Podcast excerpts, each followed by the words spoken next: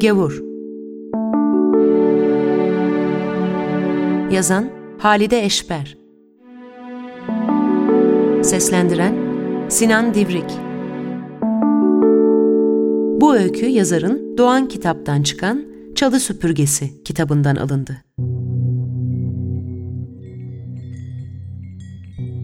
Ana, dudak kenarında bir gülümsemedir. İçi ısınır insanı düşünde bile. Sığınır gizli sevinçler, saçlarının kokusuna.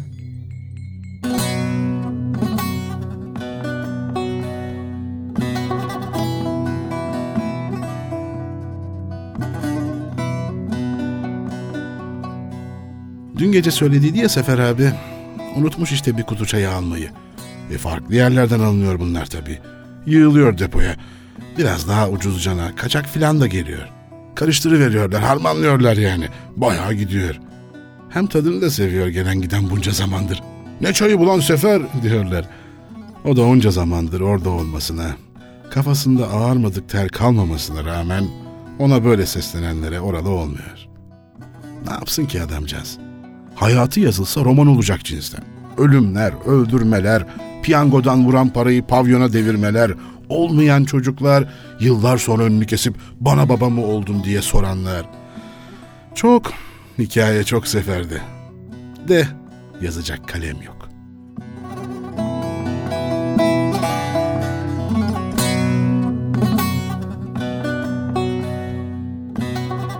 Hüsnü hızla tırmanıyor yokuşu.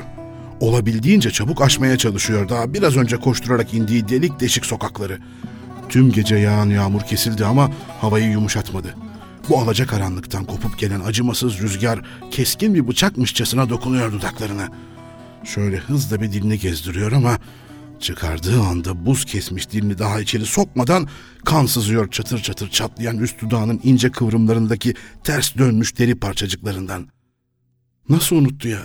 Dün ne dünü daha birkaç saat önce onu eve yollarken uykunu iyice al kafa gezdirme. Gelirken de bizim depodan yüklen biraz demedi miydi? Dediydi demesine de işte akıl karışıklığı zor şey. Hep böyleydi bu Hüsnü. Hiçbir zaman iki ile ikiyi toplayamaz, bu yüzden kasaya bakamaz, çay paralarını elini bile süremezdi. Hep kakalarlardı ona kötü ve eksik paraları ne zaman boşluğuna gelip almaya kalksa. Az mı azar işitmişti o yüzden. Girdi Sefer abinin depomuz dediği evinin alt katındaki rutubetten öte ıpıslak olan Hüsnü'nün bizzat kendinin de kaldığı odaya. Tavandan aşağı sarkan ampulün yalnız kendini aydınlatan soluk ışığında kapının tam karşısına dizilmiş karton kutulardan bir tanesini kucakladı, çıktı tekrar dışarı. Çok kızıyordu o anda kendine, çok.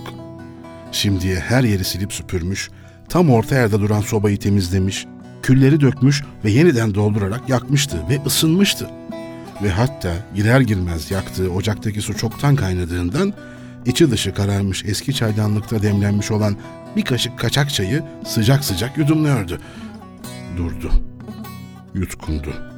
Bu sabah ayazında hızla içtiği kaynar çay boğazını yaktı. Hayal bile olsa. Sefer abi de iyi ki var ha. Kaç yıl oldu saymıyor ama Adam onu okula bile göndermeye kalkmıştı zamanında. Şimdi neme lazım? Olmadı ama. Sonunda bir gün kızıp kendinin de ağzından kaçırdığı gibi doğduğundan beri katıksız ekmekten başka bir şey yememiş bir kafa nasıl çalışabilirdi ki? Üzülmüş müydü hatırlamıyordu şimdi. Hem ne olacaktı ki? Olan olmuş, biten bitmiş. Yakında 14 olacak. Artık büyük adam sayılır. Derin bir nefes verip koşarak indiği yokuşun dibindeki kapıya dizini dayadı. Koca çay kutusunu tutan elleri birbirine kenetlenmiş, açılmıyordu. Uyuşan parmaklarını hareket ettirebilmek için kollarının arasından kutuyu dizine yavaşça bırakarak ellerini dudaklarına yapıştırdı ve var gücüyle sıcak nefesini parmaklarının üzerinde gezdirdi. Kötü kokuyordu ellerinden yüzüne geri vuran nefesi. Açlık kokuyordu. Tam o anda yakınında bir köpek uludu. Korkuyla irkilerek bir eliyle de kalın bir ipe dizdiği anahtarlarını cebinden almaya uğraşarak kutuya sarıldı doğru anahtarı nasıl bulduğunu kendi de anlamayarak kapıya yüklendi, terden sırılsıklam içeriye daldı. Kapıyı ardından kapatıp dışarı göz attığında her yanı ıslanmış bir kulağı kırık kara bir sokak köpeğinin kocaman gözleriyle ona bakarak hızlı hızlı geçip gittiğini gördü. Ardından diğerleri de geçti. Vay anasını dedi. Şuncacık köpeğin bile eşi dostu vardı. Bir benim yok anasını satayım bu dünyada. Kapıyı içeriden sıkı sıkı kilitledi. Bunu hep yapardı. Neden yaptığını bilemeden yapardı. Hep kızardı Sefer abi ama o yine de yapardı. Elinde değildi.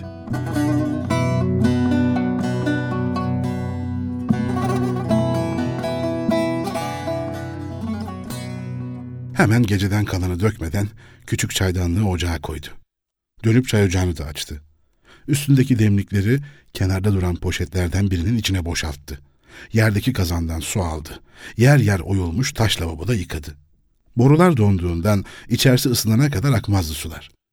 Getirdiği kutudan üç beş kaşık Sefer abi ölçüsüyle çay attı. Demlikleri yerleştirip gitti radyoyu açtı. Bir içti türkü. Sabahın bu kör saatinde kim istemiş bu türküyü? Aman pek de sever. Bir güzel kız ki on yaşına girince gonca güldür henüz açılır Leyli ley. Gidip küçük kahvenin eski tahta kapıyla ayrılmış odunluğundan bir gün önceden hazırladığı kovayı ve gazlı bezlerin olduğu teneke kutuyu aldı. Eskilikten ayağında durmayan lastiklere yapışan talaş odadan kahvenin her yanına yayıldı. Yerdeki demirle üst kapağını kaldırdı ve içindeki kovayı alırken fark etti. Soba hala ılık. Zaman durdu gibi oldu sanki. Ellerini koyup kısacık bir an gözlerini kapattı Hüsnü. İçinde bir gizli sevinç nasıl kalmışsa kalmış gelip sığındı dudağının kıvrımına. Gülümseme oldu. Tuhaf bir koku geldi. Hiçbir şeye benzetemediği ama çok sevdiği. İçi ısındı. Bir güzel ses, güller deriyor sanki, yüzüne sürüyor. Bir tatlı nefes yalıyor. Uzun kara saçlar dolaşıyor yanaklarında. Güzel bir düş içinde sobayı değiştirdi, hazırladı, yaktı. Kapıdan çıkıp külleri karşıdaki tarlanın kenarına döküp geldi. Bu defa kilitlemedi. Her yan buz tutmuş. Büyük sessizlik içinde kurtlar oluyor uzaklardan. Köyün ardında dorukları göğe karışmış dağlar. Biraz aşağıda, çayın hemen ardında uçsuz bucaksız düzlük. Koy verip giderdi çocukluğunda. Ta aşağılara kadar nefes nefese uçuyormuşçasına. Ayakları yerden kesilmiş de çayın üzerinden atlayıp baharda gelen leylekler gibi sekiyormuşçasına. Koşardı, koşardı, düşerdi en sonunda. Her defasında can acısıyla, çocuk çağrısıyla ağlar, yüzü gözü yaşa bulanır, sesi şu damların üzerinden hiçbir yüreğe şöyle bir bile dokunmadan geçerek arkadaki dağlara varırdı. İkide bir ciğer ağanın derisinin yola kanada tıraş ettiği kafasından ninni gibi bir fısıltı geçerdi o zamanlarda. Acı rüzgar beresini fırlatıp atınca. Gözüne soğuk mu kaçtı nedir? Yaşlar boşanıverdi yanaklarından. Kız üstü, dedi sessizce kızarak kendine. Erkek adam ağlar mıydı ya? Sobanın içinde çıtırtılarla yanıyordu odunlar.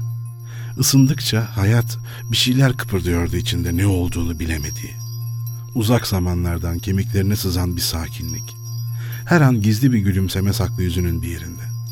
Birazdan kaybolacakmışçasına elinden sıkı sıkı tutmuş da sanki ona kimsenin bilmediği güçleri aktarıyormuş. De ki bir cin, bir peri. Bir bardak çay koydu kendine dünden kalmış demle. Ocaktakileri tazeledi. Bardakları, tabakları hazırladı. Aldı geçen sonbahar pazardan kendi seçtiği süpürgeyi eline, attı bütün tozu pisliği dışarı. Bir de güzel ıslak bezle geçti dört bir yanı. Koydu teneke kovanın içine hepsini, götürdü odunluktaki yerine dayadı. Baktı, baktı ve bu bezler de değişmeli artık, renk menk kalmamış diye söylendi kendi kendine. Dönüp ocağa giderken lastikleri bozulduğundan bin kere düğüm attığı kara poturunu çekiştirerek düzeltmeye çalıştı. Gün yavaştan ağardı ve kapı büyük bir hışımla açıldı. Sefer abi girdi içeri. Şöyle bir bakındı etrafa olmamış var mı diye. Gidip oturdu tahta sandalyelerden ona ait olanına. Bu oturduğu yerden hem Hüsnü'yü hem dükkanın her köşesini hem de dışarıda göz alabildiğine her yeri görüyor. Açtı kim bilir kaç gün öncenin gazetesini, çıkardı tütününü, döşedi kağıdın içine, başladı sarmaya. Bakmaya başladı ezberlediği satırlara, resimlere. Hüsnü çayını verdi hemen. tam o anda. Yoksa fena. Bir an kafasını kaldırdı Sefer abi. Sanki Hüsnü'yü geçip gidiyor bakışları. Ne ölen? dedi. Ne sırıtıyorsun sabah sabah pişmiş kelle gibi?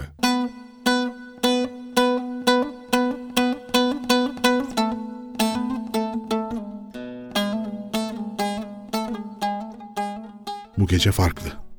Bu gece tüm diğer gecelerden de soğuk. Televizyona bakamadı ama radyo dediydi. Eksi 25 filanmış. O zaman en az 40 derecedir. Aman ha, bu gece sıkı sarın.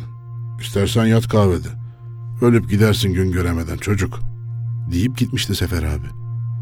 İki sandalyenin üzerine kıvrılsa daha yer kalacak kadar yer kapladığından şu dünyada kaldı üstünü kahvede.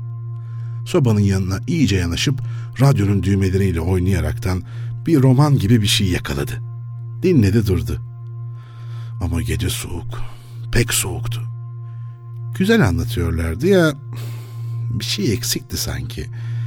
Ne bileyim, hep kuşlar filan ötüyor. Bir rüzgar sesi güzel geliyor filan ama bir tuhaf, doğru olmayan bir mutluluk, bir duruluk konuşanların sözlerinde, seslerinde sanki kandırmak istermiş gibi. Bugün çok soğuk. Herkes evine erken gitti tabii. Kışın ne karanlık ortalık. Karanlıkta da ne çok yalnızlık var. Bazen bir acı içinde Hüsnü'nün. Sebebi belirsiz. Karnı da aç olabilir ama tok da olsa fark etmez. Hep duymuyor bunu da.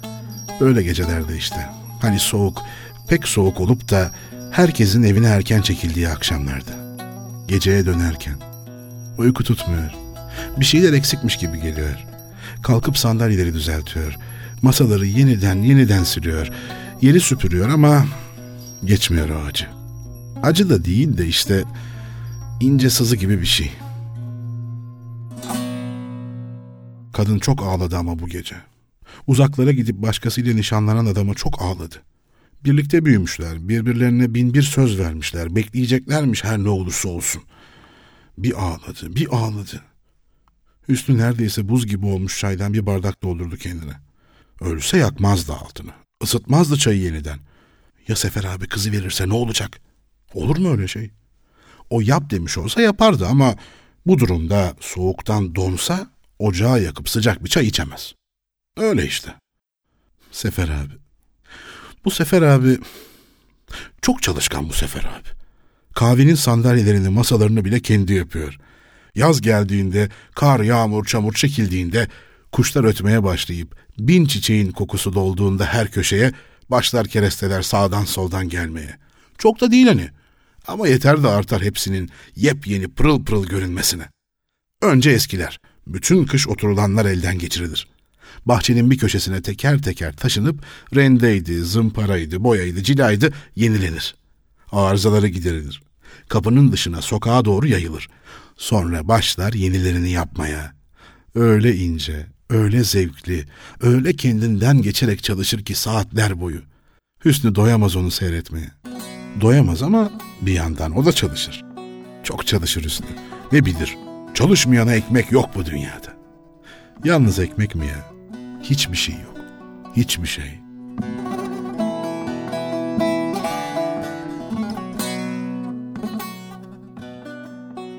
Ama işte pek çekmemiş Hüsnü Sefer abi. Nasıl çeksin değil mi? Doğru ya. Çekmesi için bir akrabası filan olması lazım değil mi? Hani belki yeğeni, teyzesinin, halasının küçük torunu veya ya hiç olmazsa torunu öyle olması lazım. Olmazsa olmaz, benzeyemez. Nasıl olsun? Nasıl olsun başka? Bir de belki belki yani yani hiç olmazsa eli yatkın olsaydı ya bir şeye. Hadi anlamıyordu kolay kolay. En azından bir şeyi azıcık iyi yapabilseydi ya.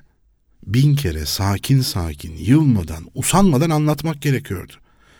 Bu anlamayışını boynunu bükerek anlıyordu Sefer abi ama birazcık, birazcık elinde bir maharet, bir yatkınlık, bir kırıklık olsaydı ya. Yoktu işte. Yoktu. O Yaradan'ın bir yerlerde galiba unuttuğu bir çocuktu. Sefer abinin etrafında da ondan başka kimse yoktu zaten. Sefer abi neden yalnız peki? Takıldı işte şimdi üstünün aklına. Tamam çocuğu belledi. Şimdiye kadar bir tokat atmadı ya, Yine de düşün düşün çıkamıyor işin içinden. Kendi çocuğu neden yok ki? İstese sanki hemen olurmuş gibi geliyor. Bizim buralarda pek kalmadı ama daha ötelerden bulunur elbet bir taze gelin. Şöyle 13-14 yaşında. Çüş, çüş be. Ben o kadarım. E bundan ötesi de pek olmaz. Küçük düşer, yakışmaz.''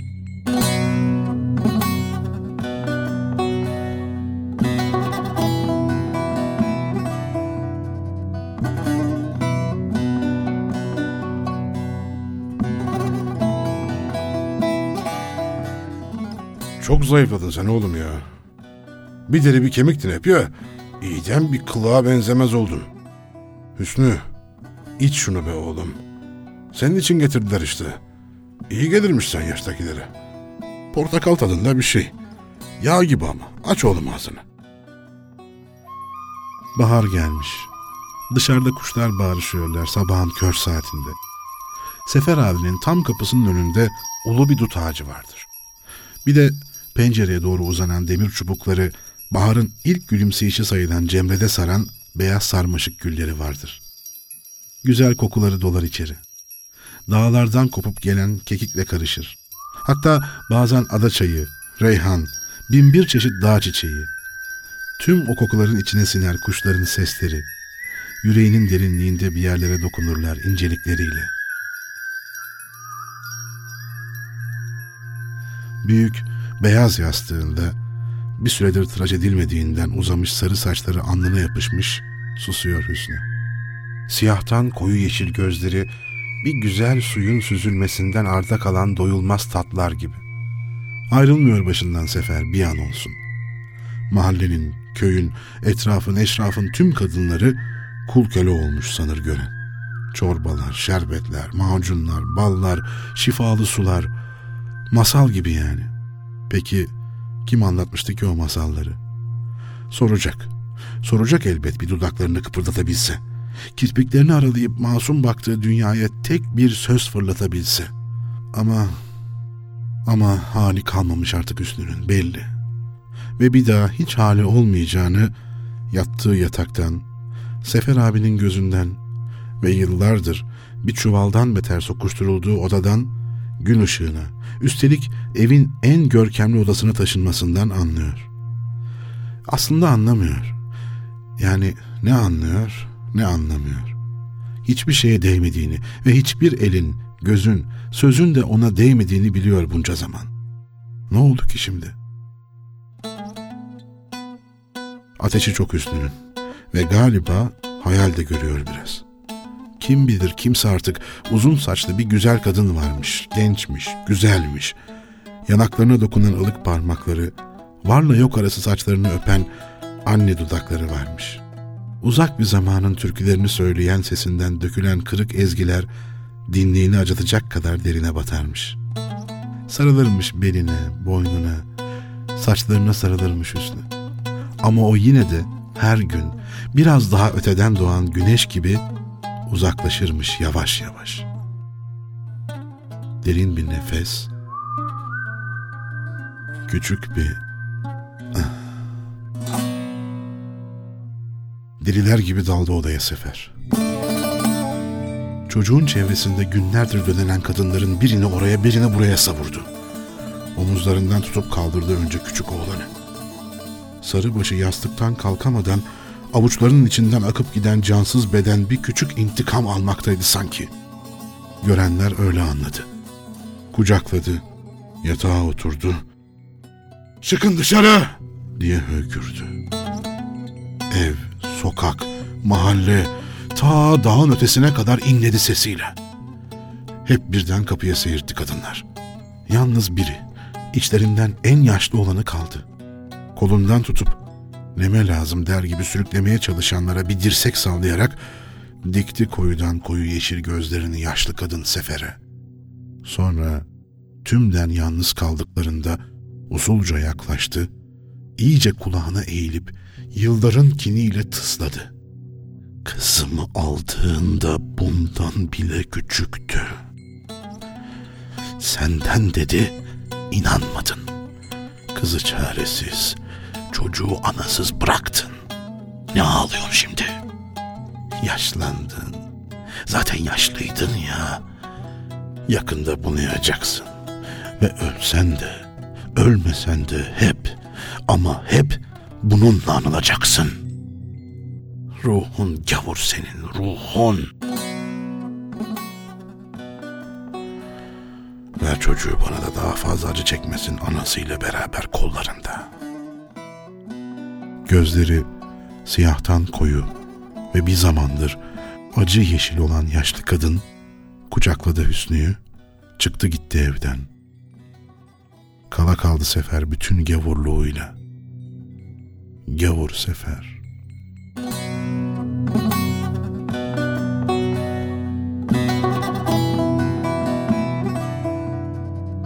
Halide Eşber'in Gabur öyküsünü Sinan Divrik seslendirdi.